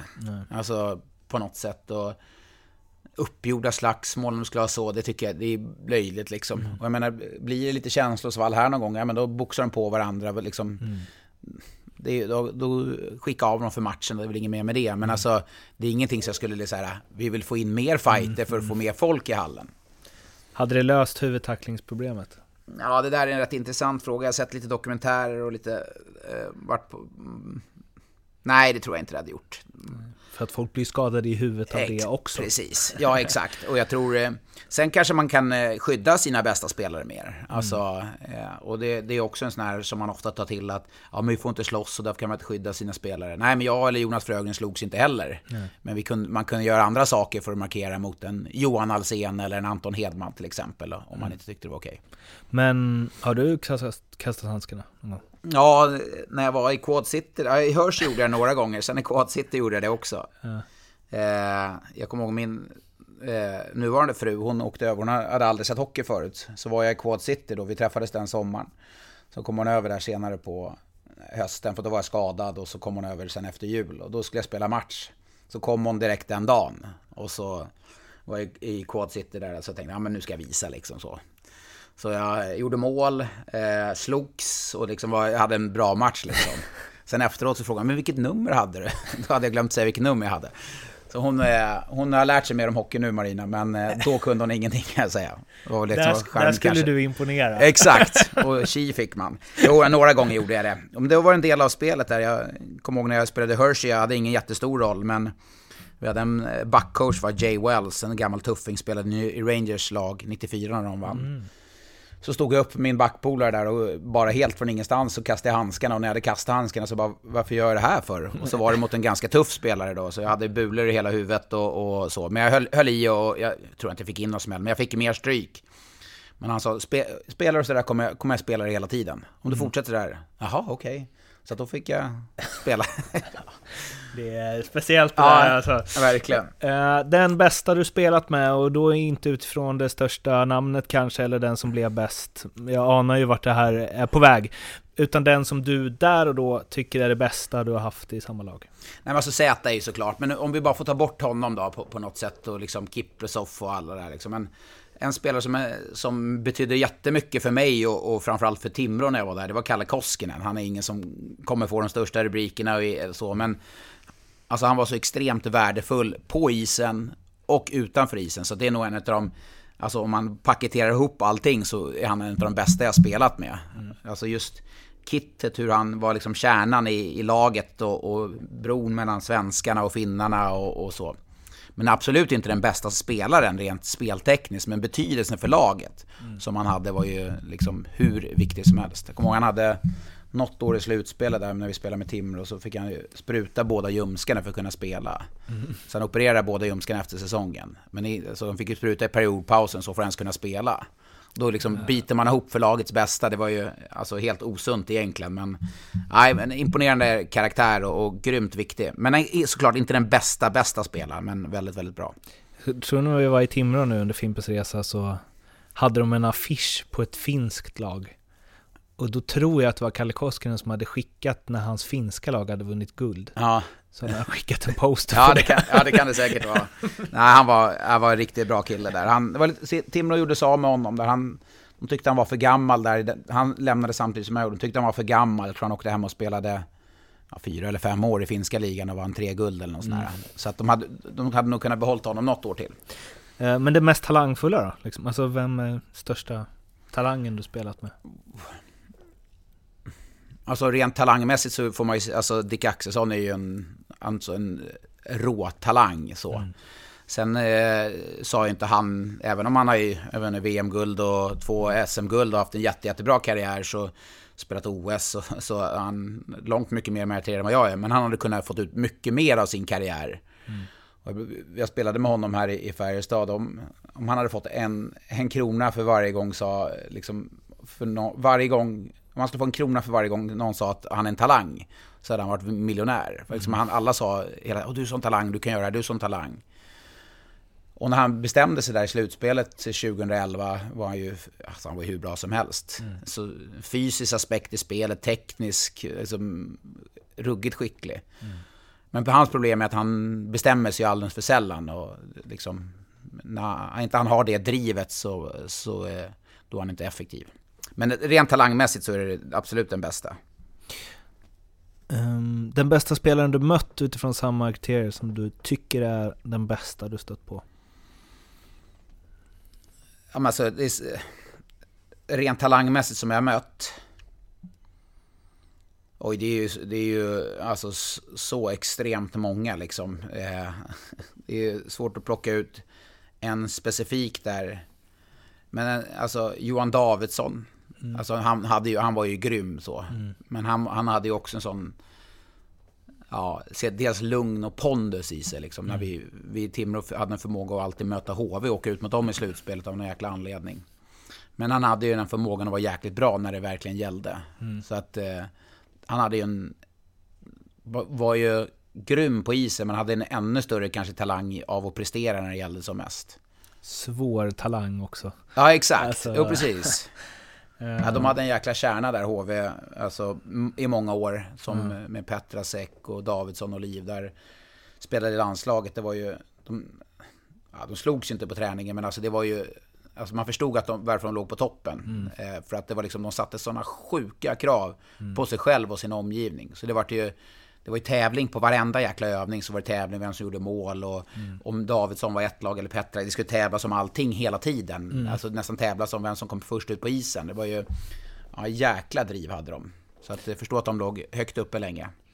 Eh, har du mött någon liksom forward då blir det ju, där du känt att du inte haft en chans? Ja, det har jag gjort. Joe Thornton mötte jag i Kanada under VM 2005 där.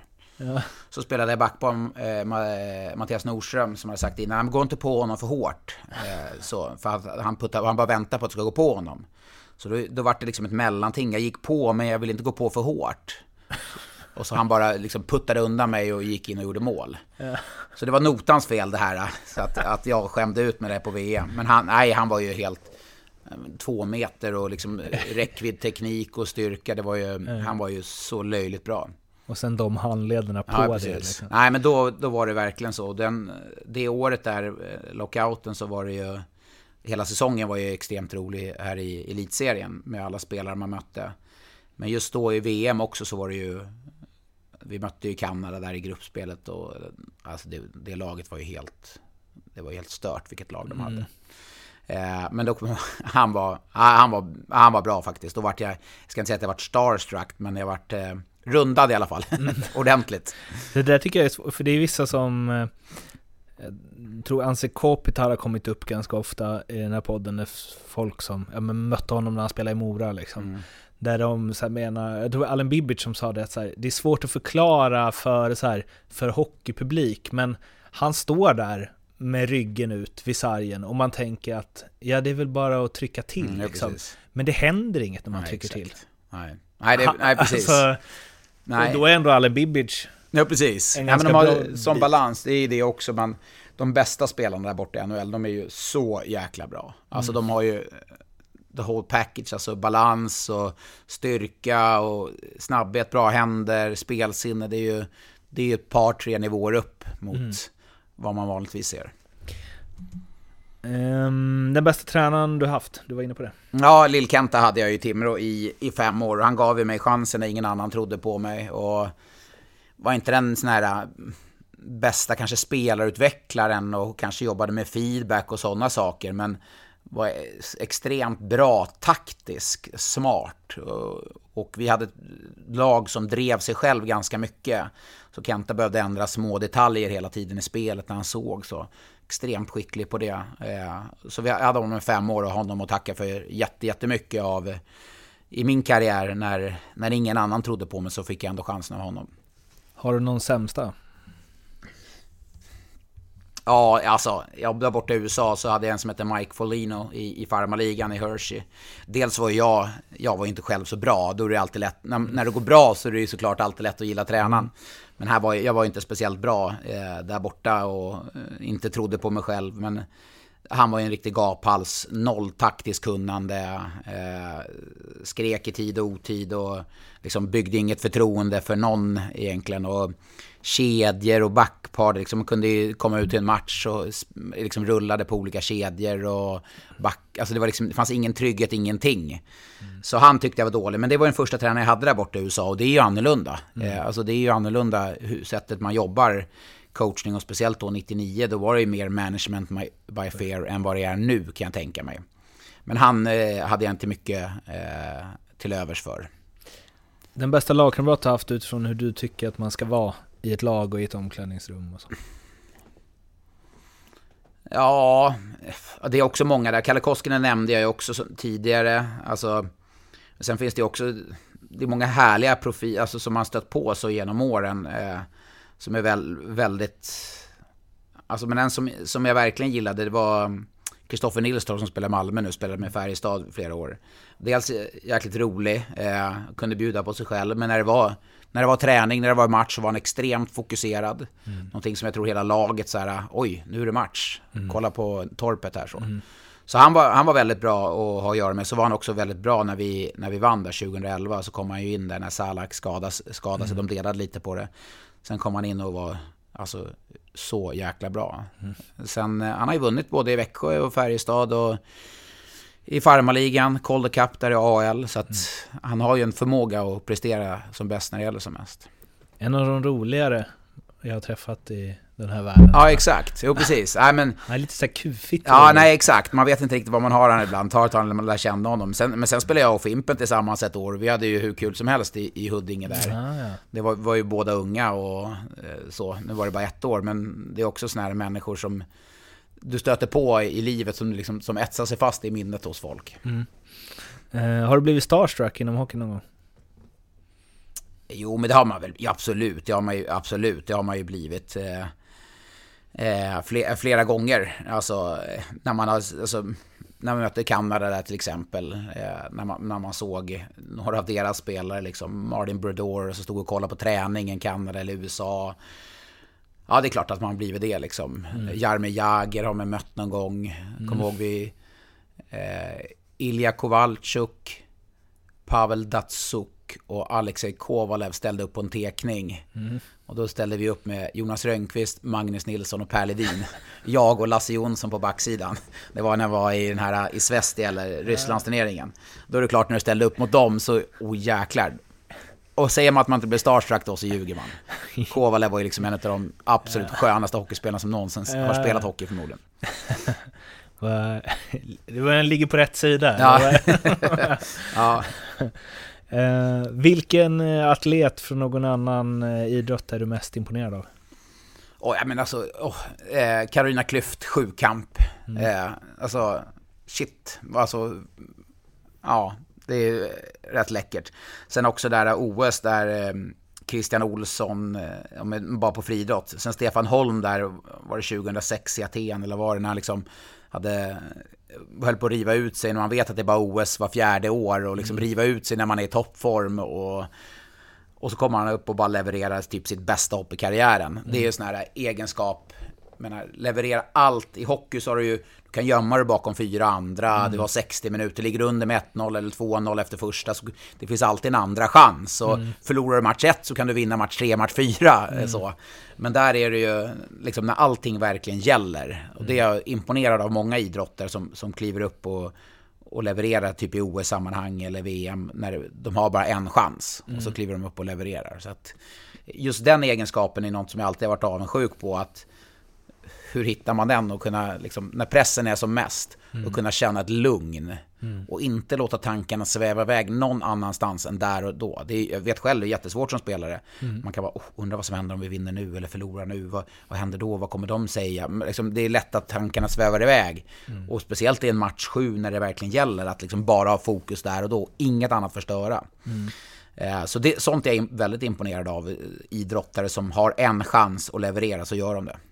Det, det är så intressant, för Fimpen sa i senaste podden vi spelade in, så, vilket är så här som man tänker, ja det är klart att spelare måste tänka så ibland, men då sa han bara, ja alltså slutspel, man vill, klart man vill vinna mer än något annat, men det står 3-2 till andra laget, det är liksom en period kvar, de leder med 2-0, man har ont i hela jävla kroppen. Han bara, det är svårt då, att det inte är någon tanke som bara, Nej. semester. Nej, nej, precis. Nej, för du vet liksom att, nej, så är det ju. Definitivt. Och, och, nej, och det, nej, det var en jäkligt bra sammanfattning. Att du... Men det är ju där man tänker så här, Mark Messier tänkte aldrig Nej, han så. tänkte aldrig så. Nej, men han hade ju den egenskapen då. Alltså, och jag, jag, kan inte, jag såg mig aldrig själv som en vinnare. Jag har vunnit, vunnit en gång. Jag såg mig aldrig själv som en vinnare. Som, Det finns ju de som har vunnit fem, sex SM-guld då. De hade kanske den förmågan i en större utsträckning än vad en annan hade. Men det är ju det som jag tror, eh, nu har jag aldrig varit elitidrottare, men som jag tror att man, som är svårast att förstå vad som är så svårt, är ju att så här under press och trötthet och konstanta så här fysiska tömningar av kroppen, eh, kunna motivera sig hela, hela tiden och behålla fokus liksom. Det måste ju vara en av de stora delarna. Nej men alltså jag har aldrig haft, alltså precis. Men att kunna träna och pressa mig där, alltså det, det har jag alltid, jag tyckte det varit befriande att träna för att det har aldrig varit någon press. Nej, alltså så att, åh idag är det träningsvecka eller inga puckar idag till exempel. Det var så här, ja ah, fan vad skönt. För då vet jag att det enda jag ska göra det är att ta ut mig max. Det är ingen som förväntar sig något annat än att jag ska ta ut mig max. Därför kunde det vara ganska befriande så att ha den typen av träning. Att jag vet att jag kan ta ut mig mer än alla andra och jag kommer göra det jävligt bra. För ni, er, de som lyssnar på det här och aldrig sett Sanny spela, så fick ni ju nu en bild i alla fall av hur han var som spelare. Bara, inga puckar idag! Nice! nice. Eh, vilken egenskap som eh, spelare var din bästa? Ja, det är mitt eh, fysiska spel. Jag var en, alltså, jag var bra tacklare liksom. Jag tror en, en fruktad eh, fysisk spelare. Första åren i elitserien kunde man dela ut mycket smällar. Sen kände man att många började anpassa sitt spel för att jag var på isen. Och då kände jag att jag hade ett mentalt övertag. På många. Medan på samma sätt som om jag, jag anpassade mitt spel om jag mötte Jörgen Jönsson eller eh, Johan Davidsson, Tony Mårtensson, Weinhandel, alltså den typen av spelare så fick jag anpassa mitt spel på ett sätt. Eh, definitivt. Ehm, hur många procent talang slash eller versus hårt arbete var du? Ja, det är ganska intressant. Vad är talang då liksom? Talang är ju den, men för mig är ju talang den som klarar att jobba hårdast. Ja, hur många har man inte stött på spelare som genom åren som har varit mycket bättre än mig eller, eller som man har träffat och, och som har spelat och jag hade allting men jag orkade inte träna, jag var som talang. Ja men då, då var du inte talang, för det är det som är talang. När det går emot, då tränar du ytterligare lite hårdare. Går det emot ännu mer, då tränar du fan ännu hårdare. Det är ju talangen. Och inte vika ner sig och inte bita ihop. Sen ska du självklart ha tur längs resan för att komma till en viss nivå. Det, så, så är det ju. Men det finns ju många som viker ner sig när det börjar bli lite jobbigt. Och de kommer aldrig någonstans. Ehm, Så jag var 100% talang. om du med eh, all erfarenhet du har av hockeyvärlden idag, efter en karriär, fick ge Sanny Lindström 15 år ett tips, vad skulle det vara? Ha kul. Jag kan känna så i efterhand med, med hockeyn så. Alltså jag älskade att spela hockey. Men ibland var det pressen. Alltså att det var för, alltså att ibland upplevde man pressen. Nej, vi får inte förlora det, vad händer då? Vad gör vi då? Vad säger de? Vad tänker den personen om vi förlorar? Eller vad, om jag gör något misstag, eller vad gör man då? Fan, ut och njut. Det är, världens, det är det jag kan sakna nu när jag inte får, kan spela. Att liksom, fan, det var ju så jäkla roligt. Mm. Hockey är ju så roligt. Nu får jag förmånen att titta på hockey och kommentera hockey. Hur kul är inte det? Mm. Men ibland när man spelade så var det nästan mer så här det var nästan en press att leverera och spela som gjorde att det ibland kunde ta bort det roliga. Mm. Visst, det är klart när det var fullsatt i hallarna att liksom, och man hade stäm och grillerna kändes bra och man flög fram och så. Det är klart att det är kul att spela då. Men ofta, alltså, spela match inför folk som bryr sig, folk som älskar det du gör eller engagerar det du gör. Det är ju jäkligt, det är en förmån. Mm. Men ibland kan jag, så här i efterhand kan jag känna att man njöt inte. Man tyckte, alltså, det var, ibland var det för mycket press. Mm. Så någonstans där, hur man nu hade kunnat förmedla det på ett enkelt sätt till Sanny 15 år. Vem har betytt mest för din karriär? Jättemånga personer eh, såklart. Eh, många tränare man har haft. Men sen måste man alltid liksom, min familj, eh, självklart liksom, man börjar med eh, alltså när man är uppvuxen med föräldrar som kör och, och som ställer upp. Liksom, det är ovärderligt. Det tror jag alla som kommer någonstans i idrott säger att man har support och backup hemifrån. Sen också hade jag under åren när jag hade det liksom eh, 15-16 där när jag liksom sen inne i puberteten och ja, allmänt liten och klen och eh, gick tufft i hockeyn. Sen fick jag då när jag väl växte i min kropp fick en bra utveckling och i, samba, sam, i samma veva då så hade jag min brorsa som tränare, Stefan. Som var en superbra tränare och eh, hjälpte mig jättemycket. Och han, än idag bollar jag massa saker med honom liksom. Mm. Så det är klart att han också hade en viktig del eftersom jag har en syrra också som också har backat upp. Men brorsan hade spelat hockey, varit tränare. Jag kan fortfarande ringa honom idag och prata om situationer som sker i hockeyn, analyser, du vet sådana saker. Eh, så att han har haft en jättestor del i min karriär liksom under, under hela vägens gång. Det var han jag bollade med när jag skulle åka över till USA, om jag skulle göra eller inte. Då satt han och jag halv natt och vägde för och nackdelar och till slut så hade jag bestämt mig för att åka. Så, att, så han har betytt jättemycket. Vad är enligt dig den största allmänna missuppfattningen bland folk om hur livet som professionell hockeyspelare? Ja, men det är väl att det är så, så glamoröst. Mm. Alltså, jag, jag, förstår att jättemånga vill byta, eh, alltså som står på ståplats eller som går och betalar för matcherna, som, som gärna vill byta. Jag, förstår det, för det är världens roligaste jobb. Men folk tror också att det är glamoröst, och så är det ju inte på något sätt. Alltså, mm. Jag menar, det är långa bussresor. Jag visste att man får mat, man får allting eh, fixat omkring sig, men Alltså, jag vet inte hur många månader jag vaknade upp och hade ont. Man knappt kunde ta sig upp ur sängen efter en match. Och det är ryggen och det var fötterna och fingrar och allt möjligt. För att då ytterligare dagen senare kunna spela match igen. Mm. Så det var inte alltid så glamoröst. Men det var en del... På någonstans när du spelar hockey så samtycker du med att... Eh, det är okej okay, okay att ta vissa skador. Alltså mm. så att jag förstår att jag kommer att få ont i ryggen. Alltså jag har ont i knät nu när jag har slutat. Jag har problem med armbågarna, jag har problem med axeln, jag har problem med ryggen. Det vet jag. Att jag alltså på något sätt, det kan jag samtycka om. Att jag kommer att ha lida av de sviterna den dagen jag slutar. Mm. Men jag tror, folk tror att det är ett glamoröst liv att spela hockey. Det är det på sätt och vis att du får mycket bra fixat och så. Mm. Men det är ganska stor uppoffring vid baksidan. Och framförallt så som jag är evigt tacksam mot min fru, hon fick ju lägga sin karriär helt åt sidan. Om vi, mm. När vi skaffade barn och sådana saker. Utan då var det ju fokus på att jag skulle kunna spela hockey och att vi skulle kunna bilda familj. Mm. Så det är liksom... Och det är inte så glamoröst för henne. Jag tror inte, hon satt inte och var jättenöjd med två barn hemma och inte kunde jobba och, och, mm. och sådana saker. För att jag inte hade möjlighet att vara med ungarna. Mm. Här brukar jag fråga så här att eh, till spelare då, eh, men nu är ju du eh, liksom på mediasidan, men om, om man skulle få samla alla Sveriges hockeyjournalister och de har druckit någon magisk dryck som gör att de tar in, embracear och tar med sig allt eh, du säger till dem i deras fortsatta journalistkarriärer. Eh, och man kanske kan omformulera lite här, men liksom du som har varit på båda sidor. Mm hockeyjournalistiken i Sverige?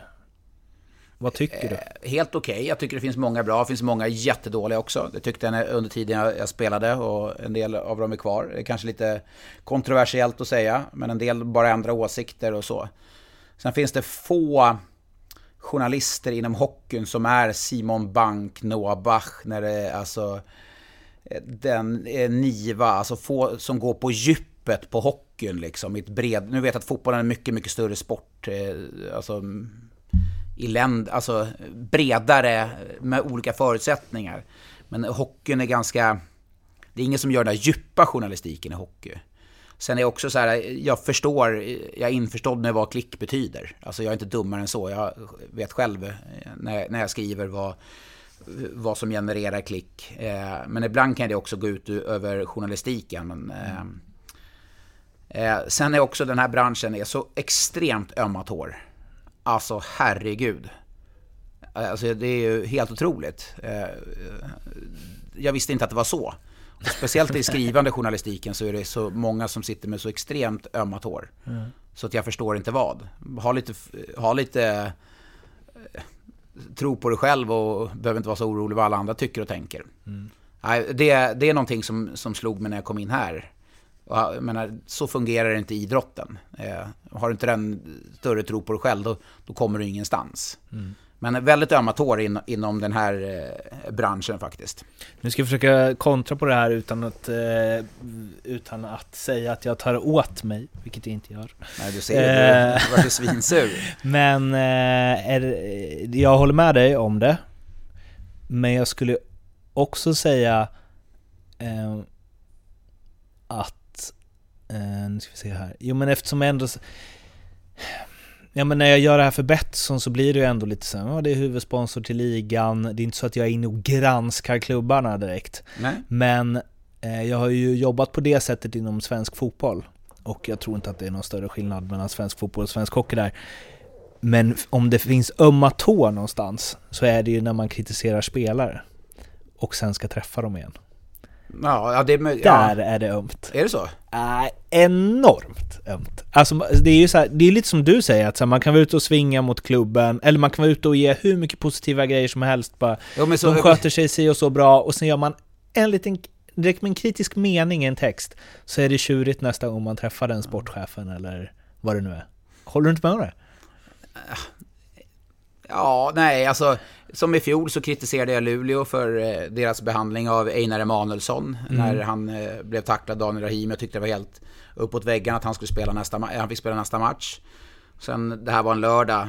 Torsdagen efter så gjorde jag Luleå kommenterade Luleå. Mm. Och då kom eh, Thomas Bulan Berglund, som jag gillar väldigt mycket som coach. Och han kom fram och tog tag i det direkt och sa Jag tycker du är helt åt helvete fel. Hur kan du säga så här? Du, du skitar ner hela Luleå Hockey. Och så fick jag svara upp för honom och så diskuterade vi och sen var det bra. Det var liksom inget mm. mer med det. Nej, nej, han, det var, han, var, han var riktigt förbannad på mig. Mm. Men istället för då gå och, och smussla till andra och säga mi, mi, mi, mi, som det mm. kanske du menar är. så? Ja, alltså här, jag tror att man är mer rak så. Mm. Ja, det kanske man är, men det blir alltid tjafs.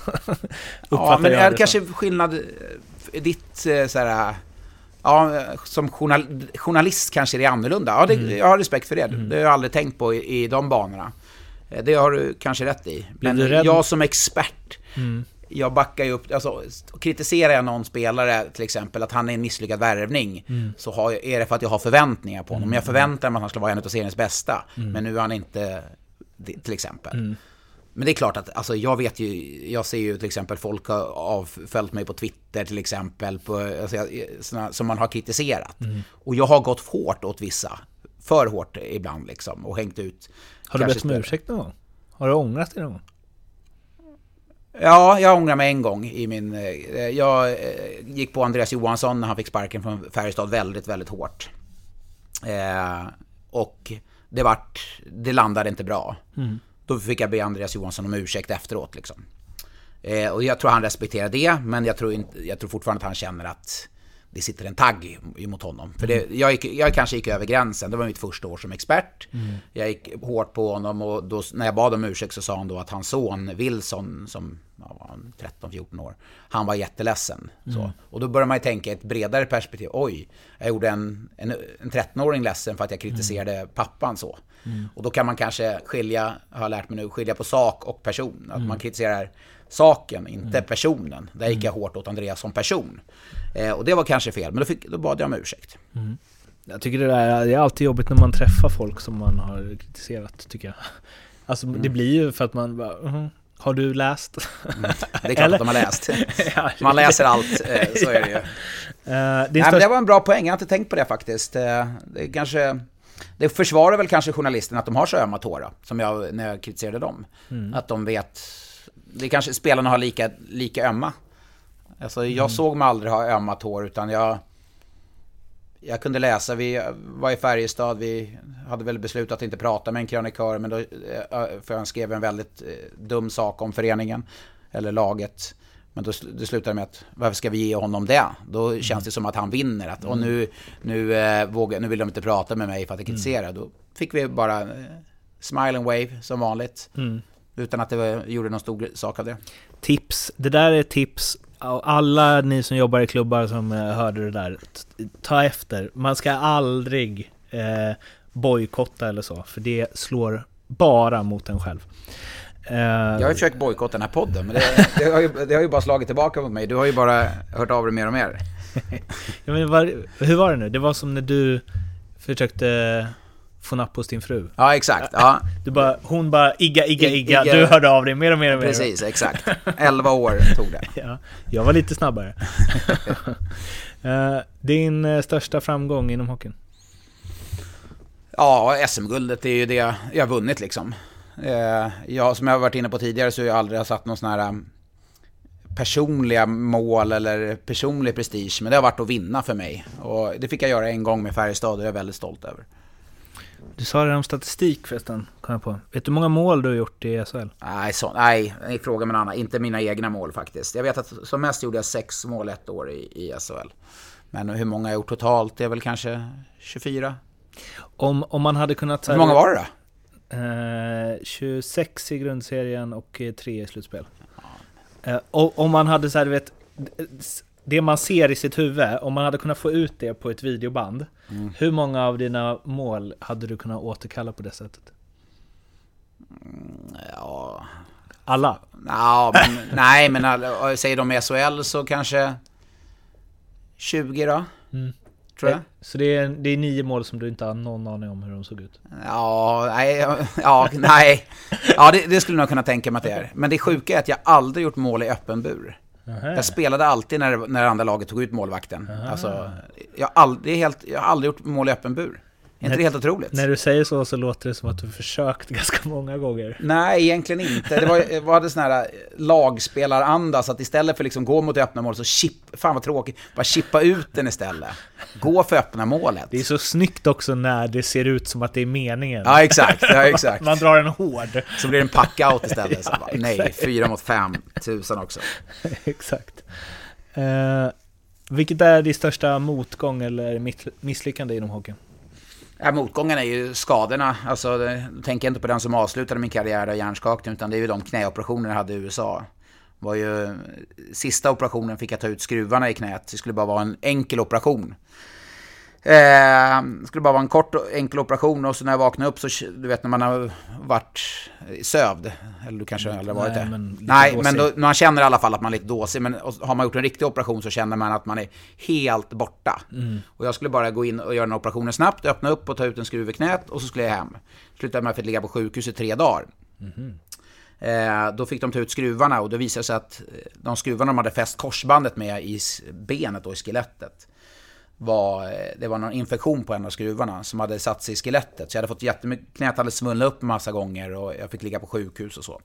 Så då slutade det med att de var tvungna att ta ut skruvarna och låta såret vara öppet i knät. Så att det var ett, fyra centimeter öppet så, för att du kunde, eh, tvungen att trycka ut blodet. Men då visade det sig sen då att hade jag haft den här skruven en månad till så hade jag kunnat fått, ja, jag vet inte vad det hette på engelska, men här, typ som benskörhet. Så jag eventuellt inte hade kunnat gått. Alltså så att eh, eh, skelettet hade börjat liksom eh, smula sönder. Nu sitter kanske någon läkare och säger det kan inte hända. Men det var ungefär så de förklarade. Var det därför de var så måna om att du skulle få en bra... Nej, det här var, efter, det här var, nej, det här var efter andra operationen. Jaha, okej. Ja, precis. Så att, eh, ja, det vart i alla fall misslyckat. Så det vart en jättehärva med det där. Nu slutade med att jag fick ha, sätta in i, i armvecket i medicin, i pulsådern här, som går upp hela vägen till hjärtat. Så där fick jag ha en, eh, en, som pumpade medicin 24 timmar om dygnet. Så fick jag gå som en väska på underarmen. Och så hade du medicin som pumpades i hjärtat i 24 timmar. Jag fick inte träna någonting, ingenting. Här var jag alltså 20, 21 år. Så då eh, kom det, så när jag hade varit på sjukhuset så skulle de komma och byta den här kassetten då med medicin. Och då kom det en sjuksköterska då, där jag bodde och knackade på dörren och så kollade hon ner i sina papper så här. Mr Lindström? Hello, welcome, sa jag då och jätteglad där liksom. No, eh, Mr Lindström, kollar ner sina papper. Ja men hallå, det är jag som är Lindström. Mm. Då visade det sig att har aldrig bytt den här eh, kassetten på någon som var under 75 år tidigare. och då förstår man ändå att, eh, så det var nog eh, motgången jag hade i min karriär. Men det var i samband med det jag inte spelade hockey på 10 månader. Mm. För att jag hade, fick väldigt komplikationer med, efter knäoperationen. Känner man sig fräsch? Ja, verkligen. Ja, men då insåg man inte hur illa det var. Det är nu i efterhand liksom. Men hur är knät idag? Liksom? Sådär. Nu har jag suttit, jag ser kanske att jag sträcker ut nu, men jag har suttit här ganska, i den här mysiga lilla soffan som du har ställt upp här. Så när jag håller benen för, förböjt för länge, så låser sig knät och då får jag ont. Så jag måste ha liksom rakt ibland så. Det är sjukt att du har kunnat spela hockey. Ja, men, ja, men det var faktiskt, eh, sista två, två eller tre åren så fick, tog jag kortisonspruta en gång per år när knät svullnade upp. Det är helt otroligt, jag trodde aldrig att jag skulle kunna spela. Men jag hade ett specialknäskydd. Men knät vart helt bra, som jag var inne på tidigare, när jag fick spela då regelbundet i UHL där, eh, som var en skitliga på alla sätt.